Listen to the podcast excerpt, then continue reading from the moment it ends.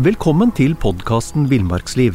Mitt navn er Knut Brevik, og jeg er redaktør i bladene Villmarksliv, Jakt og Alt om fiske. I dag har jeg gleden av å snakke med Andreas Næristorp, en av Norges beste, mest allsidige og erfarne sportsfiskere.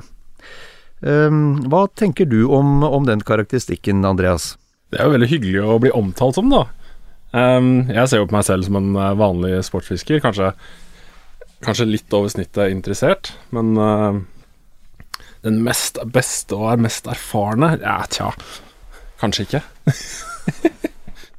men, men, du er nå uansett den jeg kjenner som, som kan mest om, om sportsfiske etter, etter, ulike arter. Um, punktum. Og det sier ikke lite i et land hvor, hvor over en million mennesker faktisk hvert år sier at de, de driver med sportsfiske en eller flere ganger. Eh, og du er også hovedbidragsyter du, til, en, til en bok om sportsfiske som, som, vi er i ferd med å publisere. Den heter 'Fiskeguide til 26 arter'. Fast fisk og våte drømmer. Men eh, Ja, frisk tittel, da! Veldig. Veldig morsomt. Men, men, men, men, aller først, Andreas. Når, eh, når begynte din fiskeinteresse? Jeg tror den begynte sånn uh, rett før 1990, faktisk. Okay. Uh, jeg fikk min første fisk i 1989.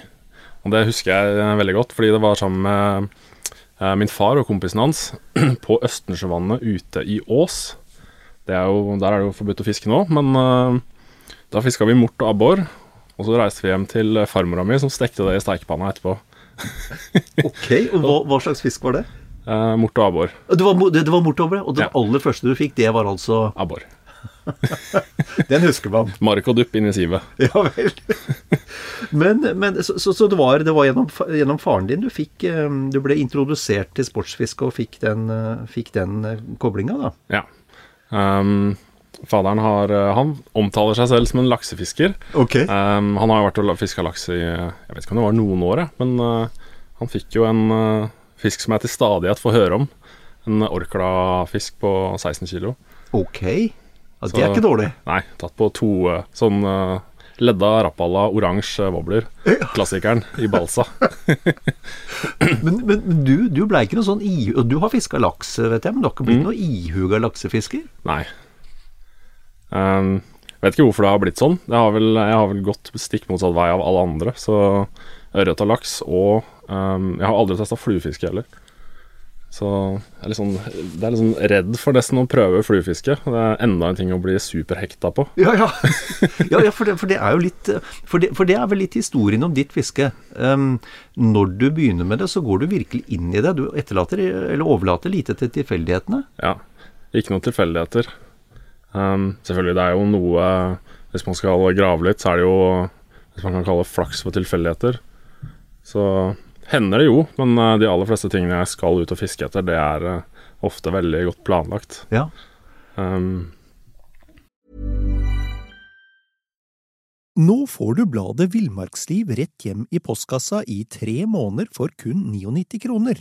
I Villmarksliv kan du lese om norsk natur, ærlige tester av klær og utstyr, og mange gode turtips skrevet av erfarne friluftsfolk, fiskere og jegere. Send SMS VILL36 til 2205 og motta bladet allerede neste uke. Lev livet villere med bladet Villmarksliv.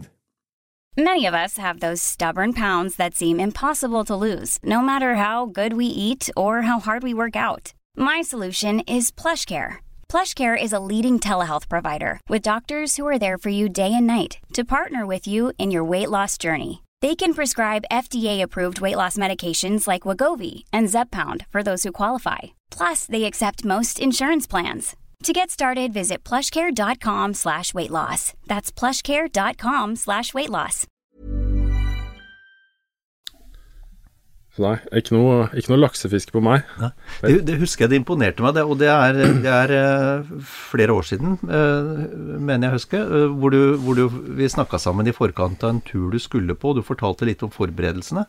Og det var sjøkart. Du hadde studert ganske inngående. Mm. Um, og lest forskningsrapporter fra Havforskningsinstituttet. Altså, det var, det var et ordentlig research, altså. Ja, og sånn, sånn har det jo blitt. Jeg tipper at det var en Svalbardtur du helt sikkert husker. Det kan godt være, ja. Da var det, det, jo, det var veldig dårlig Eller vi hadde veldig dårlig tilgang til informasjon på, rundt fiske og fiskearter på Svalbard. Fordi ingen hadde gjort det. Vi var jo, vi var jo de første som virkelig satsa der. Eh, Da må man jo bare begynne et sted, da. Det første vi gjorde, var jo å finne en, eh, en båt og en skipper som kunne ta oss med ut i eh, Isfjorden. Um, og så måtte vi finne et sted å bo og flybilletter og sånn. Det er selvfølgelig ikke noe problem. Nei. Men um, da tok jeg kontakt med um, gutta i Trondheim som uh, driver Olex. Uh, så de sendte jo oss reliefkartene da, fra Svalbard. Uh, og så brukte jeg det kombinert med et Garmin-kart jeg hadde, um, for å leite etter fiskeplasser. da. Så første året var jo egentlig ganske katastrofe. Og ja okay. Hva, hva betyr det, da? nei, det var noen som ikke hadde huska at vi måtte ha en dregg. Se det. Eh, Så det var et eh, sånn klassisk anker på den båten, men det var bare 30 meter kjetting. Som, eh, da kunne vi jo ikke fiske hårkjerring, f.eks. Så året etter så kjøpte vi faktisk eh, dregg fra Bodø og fikk det sendt opp til eh, Longyearbyen.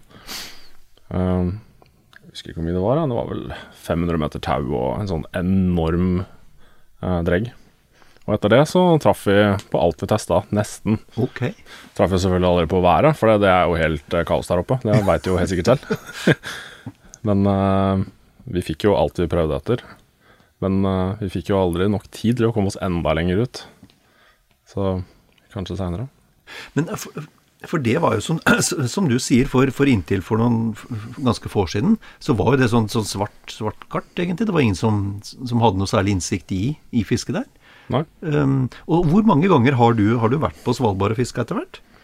Um, vi var vel der tre år på rad. Uh, så vi gikk jo opp eh, hele løypa, som veldig mange har uh, testa i ettertid. Da. Eh, og det har jeg levert hver gang, uh, for de aller fleste. Men uh, sist gang var i 2017, hvis ikke jeg husker feil. Og da hadde vi jo superfiske den gangen. Med så mange flekksteinbiter vi kunne få, eller kunne ønske oss. Og vi hadde jo fem håkjerringer før frokost og sånn. Fem håkjerringer før frokost. Ja, det var litt sånne, sånne forhold. Det her må du fortelle om. um, ja, vi lå på én plass som noen hadde brukt uh, uka før oss.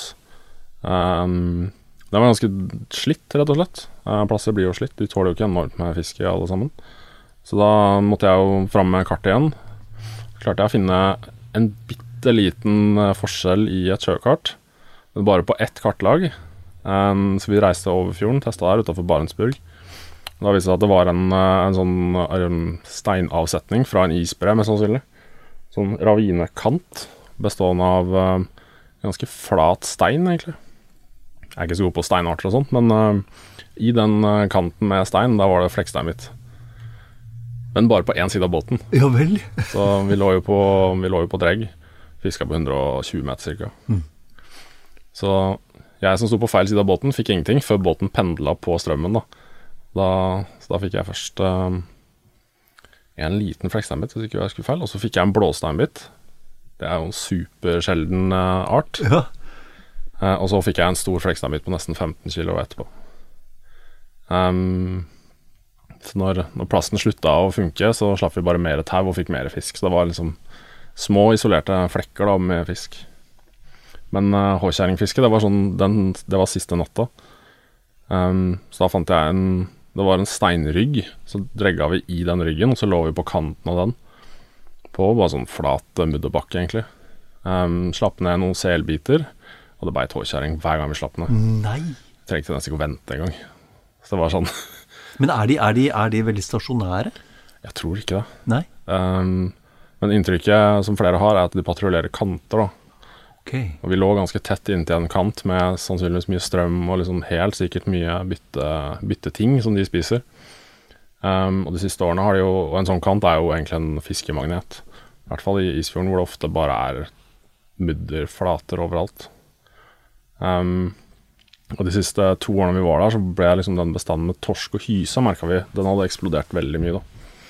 Så kanskje det var en eh, plass med mye av det, da. Vi fikk jo ikke det når vi fisker med kvart sel, så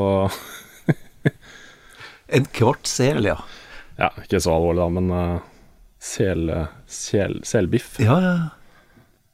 Så, Men jeg vet jo tilfeldigvis, for du, du har fortalt meg det, at, eh, at du har tatt håkjerring på 342 kilo. Mm. Var det på den turen?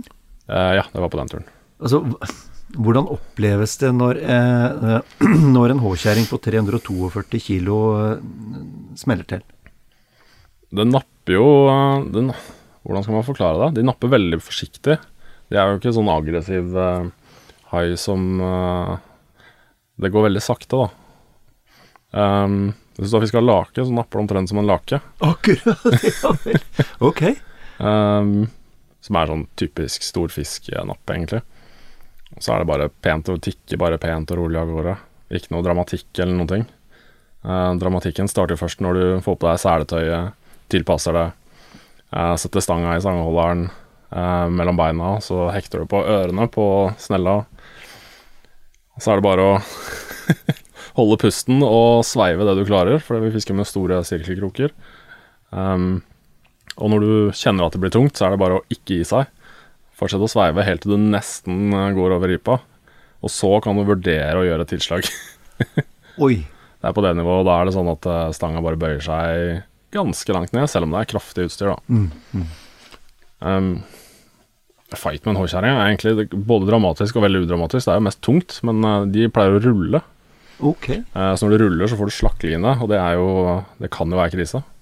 Så de taklene de bruker, er jo 20 meter lange, som består av både wire og mono. For at uh, når de ruller, og hvis de er nær braiden din, så ryker du med en gang. Og, og Braden, hva er det?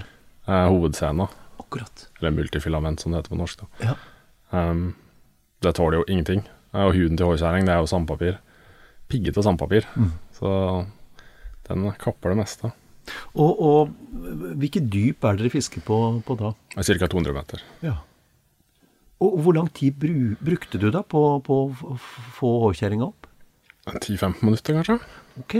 Men da, det høres ut som intense 10-15 minutter. Ja, det er litt, eh, litt kaos. Um, spesielt hvis uh, lina går under båten og det er mye strøm, f.eks.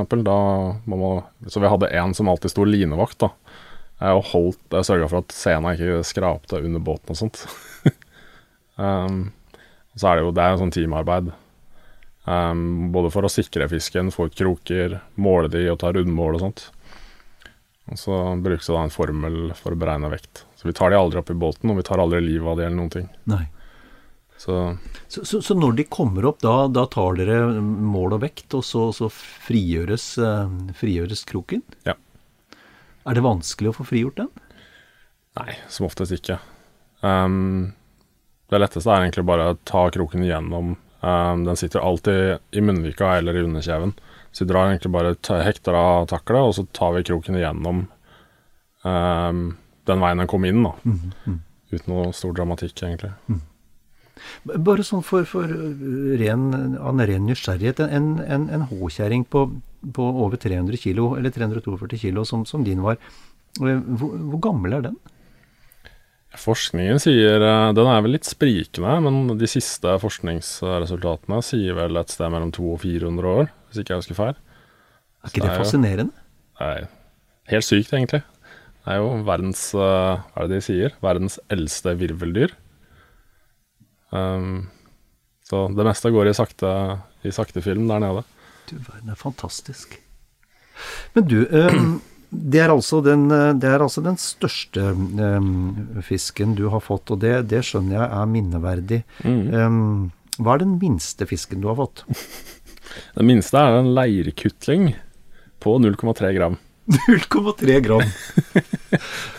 er det lov å spørre hva du fisker med, da? Rekerogn. Eh, rekefragment. um, eller hva som helst. Det hender vi bruker meitemark òg. Uh, busa har jeg brukt et par ganger.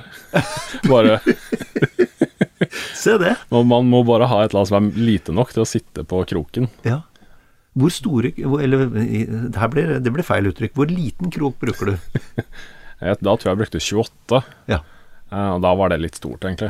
akkurat. Så kunne fint ha brukt 32, men eh, Og, og sene, da? Eh, 0,08 millimeter. Ja. Det, um, det er liksom Det er så tynt og spett som det blir, da. Så det lønner seg ikke å være veldig nærsynt hvis du skal drive med det der.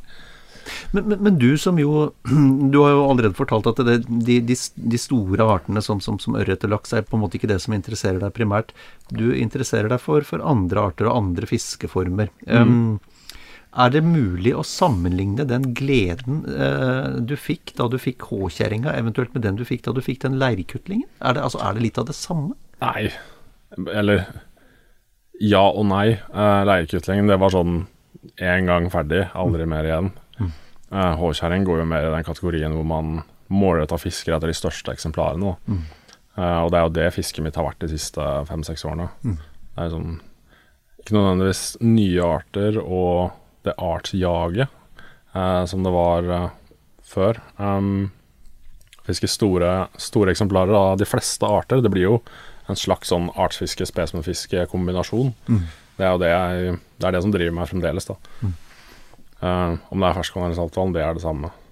Men uh, så er det de vanskelige, sære artene.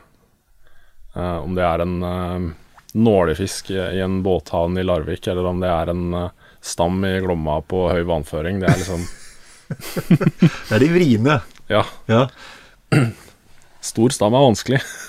Mye vanskeligere enn nålefisk. Hvilken av, av vi, vi, må snakke litt om arter. Mm. Um, fordi du um, i, Bare i 2013, da noterte du deg det ene året for 70 ulike arter i, i norske farvann. Mm. Hvor mange arter har du fiska uh, alt i alt? Ja, sist jeg sjekka, så var det 122. Mm.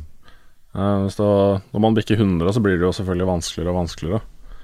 Men uh, i snitt så har det vært 70 forskjellige arter de siste i hvert fall ti årene. Mm. Sånn hvert år.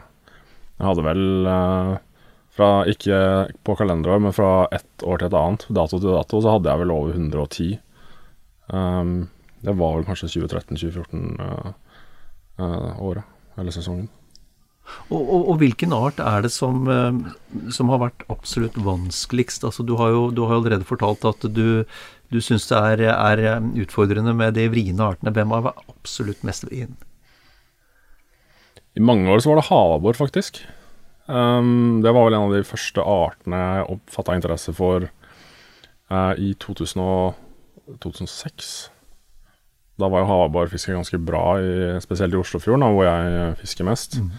Uh, og det tok Jeg lurer på om jeg hadde mellom 30 og 40 futurer før jeg fikk min første. Uh, og det var jo 2010. Så Det har jo vært en sånn skikkelig nemesis-art. Um, jeg hadde også lomre som er en flyndre, uh, som jeg sleit lenge med å få. Og når jeg først fikk en, så var det jo en ganske fin en. Den er jo persen min fremdeles, på rett over kiloen.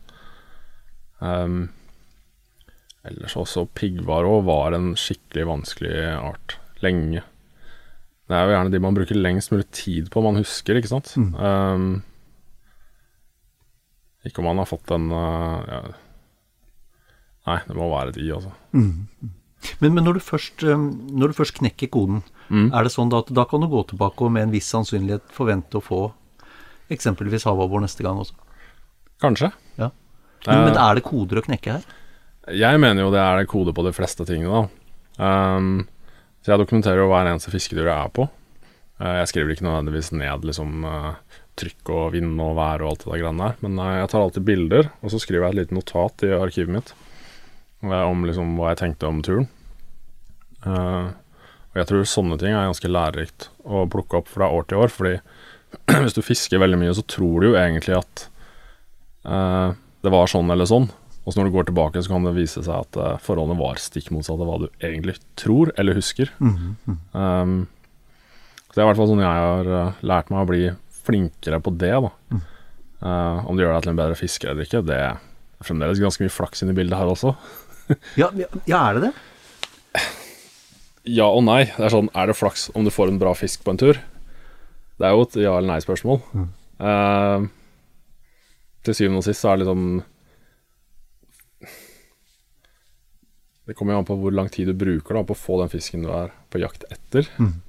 Um, hvis du aldri gir deg, så vil du få den til slutt. Mm. mm. Hvis ikke du fisker etter uh, um, kveite i Glomma, liksom. Da, da, da, kan du holde på lenge, tror jeg. Ja, da tror jeg du kan holde på lenge. det er ikke, jeg sier ikke at det er umulig. Nei, bare for å ta et banalt eksempel. Men uh, det er så ekstremt mange faktorer, da, i hvert fall i mitt hode. Uh, jeg har jo tendens til, å overtenke litt når jeg liksom skal finne ut av noe nytt. Uh, du kan jo spørre hvor mange fiskere du vil, og du får, spør du ti stykker, så får du ti forskjellige svar, veldig ofte. Mm. Um, og det som står på internett, det er jo ofte veldig sånn opplevelsesbasert fra andre fiskere. Så jeg vil aldri bruke det som fasit. Jeg er heller å finne nye fiskeplasser. Kan godt spørre om innspill til å få en uh, bra plass til et eller annet spesifikt, men uh, da bruker jeg heller det som et eksempel, og så finner jeg min egen plass. Mm, mm. Det er litt sånn uh, hjernen min funker, da. Mm. Det er for det er rart det der med um, ordet som går om hva som funker og ikke funker osv. Det er gjerne sånn anekdotisk. Um, og det kan jo hende at anekdoten stemmer. Mm. At det slo til akkurat den gangen. Men det er jo ikke på noen måte gitt at det skal skje igjen. Nei, det er det. Eh, og så prøver du det et annet sted, så er det ikke sikkert det funker. Um, det er spesielt i ferskvann, uh, men også en del i saltvann. Men alle sier jo at fisk i saltvann er mye dummere enn de i ferskvann. Så er det sånn opp til enhver å finne ut av det sjøl, da. Mm. Um, nei. Men, men, Andreas, jeg tenker um, um, ja, du er jo du er jo også hovedbidragsyter i den boka 'Fiskeguide til sex og charter, og våte drømmer'. Den er jo basert på en, på en serie du har skrevet i, i, i bladet Alt om, Alt om fiske. Mm. For der, der, forteller du metodisk om hvor du fisker de ulike artene, de van, hva de vanligvis tar på, hvilke metoder som fungerer. Mm. Det er veldig, veldig metodisk, veldig vitenskapelig, veldig bra, naturligvis. Um, men basert på, på, på det du veit, altså folk som ikke får fisk, um, hvilken feil er det de som oftest gjør? Rent bortsett fra at de kanskje ikke er ute nok, for det er jo på en måte standardsvaret. Ja, ikke sant. Jeg hadde tenkt å svare 'gir opp for fort'. ja. um, det riktige svaret, det vil jo være at du uh, går deg fast i det samme sporet hver gang, um, og ikke klarer å tilpasse deg til de gitte forholdene den dagen du er ute, eller til hva du fisker etter. Fordi eh, teknikken og metodene fra plass til plass og fra art til art, den kan ofte være ganske forskjellig. Mm. Um, så det er vel det riktige svaret fra meg. Mm. Um, og så er det jo selvfølgelig um, Om én farge funker den dagen, så kan det, det er ikke sikkert den funker på samme sted dagen etter. Det blir jo litt sånne ting man må prøve seg fram, da. Mm. Mm. Så det er også kanskje viktig istedenfor å, uh, å ikke gi opp, men også prøve deg fram. Um, og da er det tilbake til det første jeg sa. Ikke gå deg fast i det samme sporet hver eneste gang. Det der, Jeg er jo en veldig middelmådig fisker, um, og, og, det må jeg jo si at jeg kjenner meg inn i den. For, for jeg har stått og banka mye med, med, med, med tunge sildesluker. Mm. Uh, og forbanna både elver og vann mm. for at ikke, ikke fisken uh, skjønte genialiteten min. Mm. Uh, og, og, det er klart at det er jo det du sier. Når du står da en hel sesong og banker med en, en 15-20 grams sildesluk, så er det, er det begrensa. det er begrensa hva du kan få, altså. Ja, kan være det. Uh, jeg tipper at det er ørret du har fiska etter. Ja. ja. Og veldig ofte så glemmer folk at ørret de har jo øyne, øyne som ser mest oppover. Uh, og en tung sildesluk da, den er fin å kaste langt med, men det kan jo være at du fisker for dypt. Eller for fort. For å holde den langt oppi, oppi vannlagene, så må du sveive ganske fort, ikke sant. Så, så er det jo sånn ofte I hvert fall i mitt hode, jeg har jo fiske og også ørret, selv om det ikke er uh, hovedfokuset. Uh, så fisker jeg gjerne de, første, eller de øverste 1-2 meterne uansett. Uh, og veldig ofte med Jeg liker å bruke topwater-ting, og ting som går veldig høyt i vannlaget. For da kan du også fiske deg helt inn på grunna, og veldig nært land står det ofte veldig mye fisk. Mm. Selv om eh, de fleste kanskje glemmer det. Mm. Mm. Nå får du bladet Villmarksliv rett hjem i postkassa i tre måneder for kun 99 kroner. I Villmarksliv kan du lese om norsk natur, ærlige tester av klær og utstyr, og mange gode turtips skrevet av erfarne friluftsfolk, fiskere og jegere. Send SMS VILL36 til 2205 og motta bladet allerede neste uke. Lev livet villere med bladet Villmarksliv. Many of us have those stubborn pounds that seem impossible to lose, no matter how good we eat or how hard we work out. My PlushCare. PlushCare is a leading telehealth provider with doctors who are there for you day and night to partner with you in your weight loss journey. They can prescribe FDA-approved weight loss medications like Wagovi and Zepbound for those who qualify. Plus, they accept most insurance plans. To get started, visit plushcare.com slash weight loss. That's plushcare.com slash weight loss. Eh, Hvordan er det å være med deg? Altså, du, du er jo kunnskapsrik og, og har, har altså fiska det aller, aller meste eh, med med unntak av fluefiske, da, prøvd de aller fleste metoder. Hvordan er det å være med deg på fisketur? Er det, er det sånn type irriterende? Altså, du får massevis av fisk, og de rundt deg ikke får noe, eller? Jeg håper ikke det er sånn. Um, nei, jeg er ganske, ganske stille og rolig på tur uansett. Jeg reiser jo ut for å slappe av òg. Slappe av og nyte tur. Og det å få fisk er liksom ikke alltid målet med hver eneste tur. Eh, Man lærer jo til stadighet noe nytt òg, ikke sant. Eh, så nei, jeg har jo hatt med meg folk I starten, når jeg begynte med det her, så var det jeg som fikk mest fisk. Men da var jo Da hadde jeg liksom masse nye ideer og mange nye ting som skulle testes, da, og det funka. Uh, I hvert fall én av ti ganger. Så da var det sånn typisk at jeg fikk mer fisk. Men jeg føler jo også at jeg er ganske flink til å lære bort ting. Uh, og prøver å fortelle ting til de som er med, og liksom vise og ja, være litt fiskeguide også. Um, så de siste årene så har jo flere og flere som jeg har vært på tur med, fått uh, mer og mer fisk òg. Så det er ikke bare jeg som sitter og øser hele dagen. Og det er jo ikke målet heller, fordi man er jo på tur sammen. Uh, så det blir jo en sånn felles glede for hver eneste fisk man får òg. Men er ikke det For da kjenner jeg meg kjenner jeg meg igjen Jeg, jeg, jeg jakter jo, og jeg kjenner meg igjen i det når man har jakta Om ikke nok, så i hvert fall jakta en del. Så etter hvert så, så blir gleden over andres suksess eh, vel så viktig. Ja. Og det tror jeg også er en del av det å kalle det modnes litt som sportsfisker, da. Ja, og ikke bare tenke på seg sjøl hele tiden. Fordi eh, hvis man er litt ydmyk og faktisk viser glede for andres fangster, eller at de får det til, da.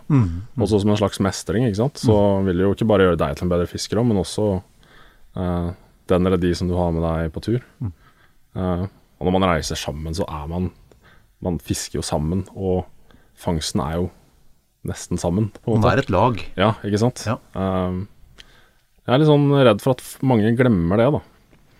Um, om det er fiskekompisen du har med på tur, eller om det er familie eller noe sånt. Ikke bare tenk på deg sjøl. Nei. Ja, men det er jo et veldig, veldig, veldig godt eh, tips. Du, jeg, jeg, jeg spurte deg jo hvilken feil folk som oftest gjør når de ikke får fisk, og det har du jo, har du jo svart utførlig på. Men, men hva, hva, er, hva er din største tabbe, da? Dette har du skrevet saker om, Andreas. Har jeg det? Min største tabbe som eh, sportsfisker, har jeg skrevet om det? Tabber, i hvert fall. I Tabber. flertall. Ja, sånn som å glemme båtnøkkelen hjemme og Ja. ja, ja, sånt, ja. Nei, det er ikke så veldig mye. Jeg er litt sånn, eh, kanskje litt for strukturert når jeg skal på tur, så jeg pleier å ha liksom pakkelister og skriver alltid ned ting som er viktig for at man eh, ikke drar bom, da. Ja. Ja, det er jo selvfølgelig kjipt å reise ti timer, og så skal man være borte en uke, og så har man glemt snellene sine, f.eks. Så akkurat der så glemmer jeg veldig lite. Um, og så er det jo alle fangstene man mister. Det er kanskje litt mer der jeg tenker på tabber. Kunne jeg gjort noe annerledes? ja. Men uh, akkurat det der må man egentlig bare tenke at eh, nei, det kunne du ikke, og så gå videre. Hvis ikke så tenker du det Da blir du gæren til slutt. For det kommer nye muligheter. Det gjør alt det. Du, du, du jobber jo til daglig bare for at, at øh, vi skal få et, et sånn bakgrunn for, for metodikken din. Og, øh, det, du jobber jo med IT til daglig. Så, så du, du er jo ikke ukjent med å tenke metodisk og, og på en måte analytisk. Mm. Og, og det har vi vel egentlig konstatert at det har du hatt stor glede av i, i, i sportsfiske. Absolutt. Um, når man jobber med IT, så har man jo også Da kjenner man jo verktøyene man kan bruke, og i hvert fall kommer fort inn i det, da. Så Og man sitter jo foran en PC, kanskje litt mer enn gjennomsnittet. Mm, gjennomsnittet. Um, og PC-er, og liksom spesielt ressurser på internett, er jo veldig viktig for å i hvert fall finne plasser, da. Og finner plasser. Kan ikke sammenlignes med å finne en uh, fiskebutikk som selger billig sene, liksom. Uh, det er ikke det jeg bruker uh, den kunnskapen til. Nei. Så Du har jo, Vi har snakka litt nå om, om, dette sosiale aspektet med å være sammen på tur, at man er et lag osv. Men mm. er, er det noe som irriterer deg med andre sportsfiskere? Nå tenker jeg ikke nødvendigvis på de du er på tur sammen med, men med sportsfiskere sånn generelt. Det er noen ting som irriterer meg litt mer enn andre. Um, hvis man skal ta det, liksom, det viktigste, det er jo folk som forsøpler. Mm. Det ser jeg veldig mye av. Um, og jeg plukker jo og rydder opp etter alle, uh, hvis jeg har mulighet for det. Men så er det jo rævdilting også er et fenomen som irriterer meg litt. ja, for det har du skrevet om. ja. ja. Hva, og hva, hva er det? Rævdilting er når du bare sitter hjemme og skal ha av andre uten å gjøre noe av jobben sjøl. Det er egentlig rævdilting. Akkurat. Og da ender man med at du får en fisk, helt sikkert, mm. men du én lærer ikke noe, eh, og to du lærer heller ikke noe mer. og så, til syvende og sist, så vil du jo bare slite ut en annens plass. Mm. Mm. Um, så er det selvfølgelig alt det der. Man skal gå rundt grøten hele tiden, og det irriterer meg litt. Hvis du er på jakt etter noe informasjon, så bare spør. Istedenfor å liksom gå rundt og skal nesten intervjue de andre som han er på tur med, istedenfor å gå til den som på en måte har funnet plassen. Da. Nei! Der har du jeg som blir litt uh, Ja. Det har skjedd flere ganger. Ok. Da hører jeg det av de andre først, ikke sant. Og, og du, ville, du ville svart villig? Kanskje. jeg er litt sånn Hvis du uh, At man skal gi og ta litt, da. Mm. Uh, og ikke nødvendigvis legge ut den beste fiskeplassen på internett, for det er det jo ingen som kommer godt ut av. Nei. Men uh, som jeg også skrev, det er, det er jo så ekstremt mange plasser å teste, og ikke minst uh, Man trenger jo ikke gå band på hverandre heller. Så jeg har jo opplevd det å dele en plass med én person som kjenner x antall andre, og så har liksom plutselig hele halve Østlandet vært på en plass som vi har hatt i år òg. Mm. Mm. Og det som skjer, da funker jo ikke det lenger. Nei. Så da må man bare gå videre. Finne en ny en. Ja, for det, ved å bare følge etter andre, så bryter man jo ikke noe eget land. Da. Man bryter ikke noe nytt land. Nei. Du opplever egentlig bare det andre har opplevd tidligere. Ja, egentlig.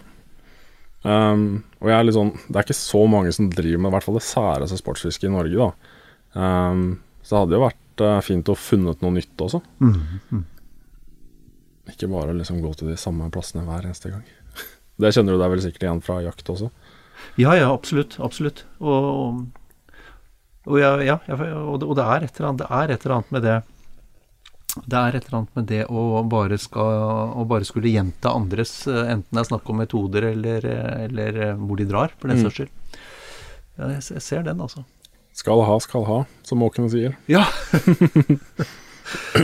men, men, du, um, vi har jo vært litt inne på, på, på, Svalbard, og det var jo definitivt å, å, å bryte nytt land. Mm. Uh, for der var dere jo, så vidt jeg veit, så var jo dere først ute. Ja, vi, jeg tror vi var Vi var ikke først ute, men vi var først ute med å kjøre en, lage en sånn slags ekspedisjon av det. Mm. Eh, hvor vi liksom kom oss ut av Adventsfjorden, som ligger nærest uh, Longyearbyen. Ja. Um, det er jo flere jeg kjenner som var der og var ute i gummibåt. Det høres kanskje litt dramatisk ut, men og testa. Mm. Det, er, det med Svalbard det er veldig lite fisk per uh, meter med vann, om man kan si det sånn. Uh, så man først finner en plass der oppe, så er den uh, sårbar, mm. kan jeg påstå. Mm. Um, og vi tråkka jo opp landet, og vi fant jo ganske mange plasser. Og igjen, der kom jo rævdiltinga tilbake. Mm. De plassene funka jo ikke det siste året vi var der. Nei. Det var helt dødt. For da var det rett og slett fiskegap, altså? Ja.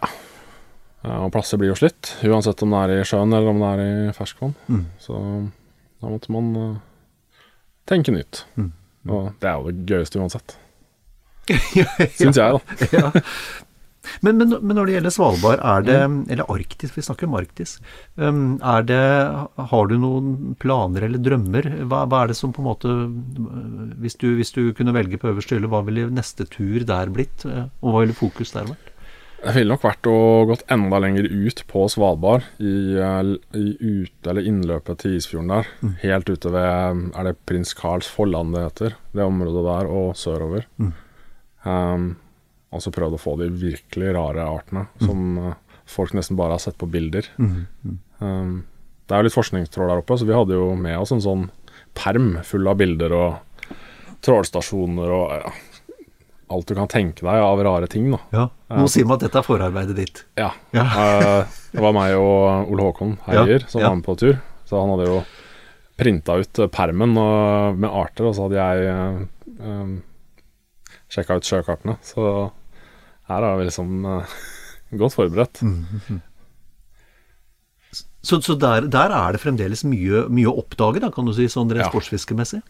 Jeg, jeg tipper vi har bare pirka i overflaten der, altså. Akkurat. Eh, så vi fikk jo de, de største artene fikk vi jo, men vi fikk ikke så veldig mange av de små. Og de er det jo langt flere av der enn de store. Altså Nå snakker jeg om fisk over én kilo. Da. Ja, ja, ja. Så har du hørt om uh, snottfisk? Nei, Nei. det er mye rart. Hva, hva, hva slags fisk er det? Nei, jeg vet ikke hva det Det ser ut som en buse. Ok, ok.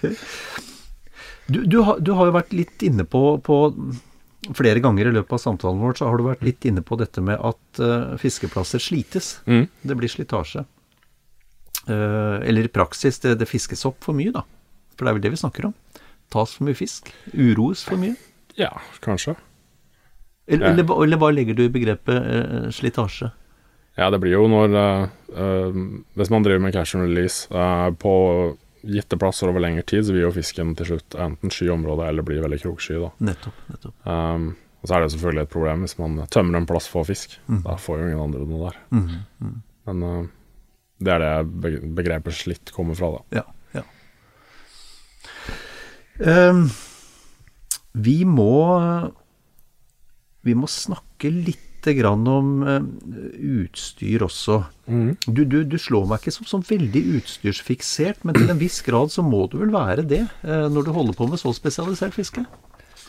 Altså hva Når det gjelder utstyr, hva, for, for de som kanskje ikke er eh, er, er så erfarne som, som, som deg, og det skal jo litt til. Hva, altså, hva, hva bør de ha? Hvor viktig er utstyret? Hva slags utstyr bør folk som et minimum ha? Hva tenker du om det? Det viktigste er å ikke kjøpe det aller billigste. Um, det er i hvert fall det tipset jeg pleier å gi når folk spør meg om utstyr.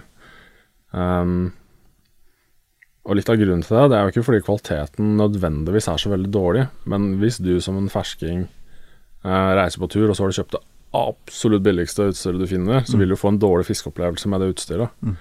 Eh, og det igjen kan jo føre til at uh, du blir irritert eller frustrert eller ikke har lyst til å fiske igjen. da. Det er jo kjipt hvis du tar tre kast og så knekker stanga, f.eks. Det, har jo- det har jeg opplevd sjøl, med langt dyrere utstyr enn det aller billigste. Eh, og sånt skjer jo. Eller hvis det er dårlig scene, eller som ryker, eller noen snelle som ikke går riktig vei, og, eller kan gå begge veier. Det har jeg også vært med på. Begge veier, ja. Ja. Den skal jo bare gå én vei, hvis ikke du har skrudd på bryteren under. Men uh, ikke kjøp det billigst, billigste utstyret. Um, start i det små. Du trenger ikke veldig masse i starten. Um, en spinnstang, en haspelsnelle, litt ålreit uh, scene, og så noen sluker eller hva enn du ønsker å fiske med. Det er i hvert fall det tipset jeg kommer med. Ok. Um, du har fiska veldig, veldig mye. Hvilken av Og, og du, du tar jo noe, du slipper jo ikke ut igjen alt. Hvilken av øh, Hvilken er den beste fisken du har, um, har smakt? Hva er, hva er på din toppliste? Eh, Favoritten er nok skolest. Skolest, ja. Ja. Det må du fortelle hva er. Det er en sånn eh, erketypisk dypvannsfisk med, som ikke har noen farger. Den er bare grå eh, og store øyne. Så, og den lever liksom pelagisk i vannsøla, hvor den svømmer opp og ned eh, høyt over bånn, og primært beiter på reker. da. Akkurat. Um, og smaken er jo deretter. Smaker fantastisk. Alt smaker kylling. Nei, det, det smaker mer skalldyr av skoløst. Det samme er det jo med um, iskaldt også, som Ja. du helt sikkert har sett i Ja, den har jeg ferskvaredisken. faktisk smakt, ja. Ja, det er litt av det samme, egentlig. Men uh, jeg tror fersk uh, skolest slår en uh, såkalt fersk iskaldt som har ligget i 14 dager på is. Any day. Men når det gjelder, når det gjelder oppbevaring, eller, eller på en måte det å ta vare på fisken, hva, hva, hva vil ditt beste tips være der? Eh, For for at eh, man skal komme hjem med den fiskekvaliteten som du faktisk i utgangspunktet hadde? det aller beste tipset, det er å bløgge fisken. Um, det må ikke skje det første sekundet fra du får den opp, uh, hvis du skal ta noen bilder eller skal veies eller noe sånt, men bløgg fisken og gjør det ordentlig. Uh, og så pleier jeg å la all fisken jeg skal spise, blø ut i, i vann, enten det er i sjøen eller det er i ferskvann, uh, for å få ut blodet. For det blodet har en veldig dårlig egenskap når fisken ikke lever. Det er at kjøttet blir jo Ikke bare blir det gult, men det blir også ganske dårlig. Um, så ta livet av fisken uh, fort. Du trenger ikke å bløgge mens den lever, fordi hjertet slår ganske lenge etterpå. Uh, få ut alt blodet. Uh, gjerne blø den ut i vann, og bytt vannet. Mm. Um, når man har gjort det, så ikke la den ligge direkte sollys. Um, når, når jeg isfisker, så pleier jeg å pakke inn fisken i snø, f.eks. Bare for å kjøle den ned fortest mulig. Og at den ikke ligger i sola, da. Det høres ut som gode råd. Ja. Um, vi, er, vi, vi kan jo ikke vi, vi, vi kan ikke prate uh, uten at jeg har spurt deg om, om hva som er din um, Hva er din aller største fiskeopplevelse, Andreas? Største fiskeopplevelsen, det er nok en eh, om en fisk jeg mista. Ikke nødvendigvis den jeg fikk, og det er sikkert litt motsetning til alle andre. Men um, vi fisker jo veldig mye med dette vinduet hvor vi går og kikkfisker på kvelden, ikke sant. Uh, med hodelykt og Det må du forklare for, for de som ikke, ikke, ikke vet det, Andreas. Kikkfiske, hva, hva er det? Um, Det er kompisen min eh, Karl Johan Zett som fant, fant opp en eh, praktisk eh, vannkikkert for bruk i sjøen. Eh, Det starta egentlig med at vi prøvde å få eh, tunge, som er en eh, flyndrefisk som lever i sjøen. Eh, De er jo veldig vanskelig å se og vanskelig å finne. Eh, Og for å gjøre en lang historie kort, så er det egentlig eh, plank med et pleksiglass som er eh, skrudd sammen. Og tetta og sånn selvfølgelig, som flyter oppå vannet for å bryte filmen. Så går vi med vadebukser på grunt vann på sandstrender og sånt, med hodelykt på kvelden. Ja, så går vi og leiter etter fisk, da, som vi fisker på. Det er ikke noe stikking med noe flyndrelodd eller noe harpuner eller noe sånt. Vi går med stang og snelle og slipper ned agn på fisken, som, og den må ta frivillig. ja, Så det er det gøyeste fisket jeg driver med nå om dagen. ja. og, og jeg avbrøt deg fortellingen din, og den, den største fiskeopplevelsen var knytta til dette. Ja. Ja. Det er vel Det er straks ti år siden. Um, det var en sånn skikkelig teit dag hvor alt gikk uh, åt skogen, for å si det rett ut. um, vi starta på én plass hvor uh, jeg fant en mulle, som er en sånn eksotisk art som uh, har dukka opp i Oslofjorden her nå de siste ti årene. Som jeg fiska på, men den forsvant. Så fikk jeg jo ikke den. Den har jeg ennå ikke fått. Eh, så gikk vi videre til en annen plass. Da holdt jeg først på å tryne skikkelig på noe rullestein. Eh, kom opp igjen, fant en svær ulke, en sånn 600-700 grams ulke. Den var på seks ganger, mista den. Seks ganger, du! Ja, Oi! Så, um, så gikk vi videre, og så fikk jeg et par tunger, og så fikk jeg Ja, det var vel noe smårask. Og så finner jeg jo drømmefisken over alle drømmefisker. En helt enorm piggvar. Og da fikk jeg så høy puls at jeg klarte ikke å prate, og det var liksom rett før eh, Karl Johan bare ringte 113, da. For det, jeg ble så gira. Um, og den uh, piggvarene den, på den, gang, den tiden så visste vi ikke helt hvordan vi skulle fiske dem. Um, jeg takla jo om satt på skifta fra småkrok til ganske stor krok. Eh, og så går vi alltid med agnfisk i uh, vaderne når vi driver på med det fisket. Vi satt på den største agnfisken jeg hadde. Slapp ned, og så forventa jeg nei, den kommer ikke til å ta. Det kommer ikke til å skje noen ting. Og så tok den jo. Det tok bare ti sekunder. Den så agnfisken, og så bare løfta han seg og klinte til den. Uh, og jeg kroker jo for alt, uh, alt jeg klarer. Um, for maks tyngde i stanga har ikke kjangs til å holde den fisken. Og den bare svømmer ut mot dypere vann, og så løsner kroken. Ah, Um, og så får jeg summa meg, jeg skjønner ikke helt hva som har skjedd. Uh, og så går jeg 15-20 meter, og da finner jeg jo den samme fisken igjen. Den har bare lagt seg ned på den plassen litt lenger bort. Um, og vinduet mitt, som er 80 ganger 60 cm, det var lite i forhold til hvor svær den fisken var. oi! Oi. Så det er kanskje den største Det er den største nedturen definitivt, men også kanskje den største opplevelsen. da At man klarer å finne en piggvar som man tror er kanskje 15 pluss, da, Er du gæren? inne i Oslofjorden. Fy filleren. Altså, er du tilsnakkende på ei stund da, eller er du Er det Nei, da, det var Kjeller. Ja. Ja. Så det er jo en sånn Sånn fangst jeg nesten tenker over hver dag. Og hver gang man er ute, så drømmer man jo selvfølgelig å finne igjen noe tilsvarende. da. Så tror jeg det kommer til å skje? Nei. Jeg må jo leve litt i håpet, da. ja, veldig, veldig bra. Andreas, tusen takk for en veldig hyggelig prat. Likeså.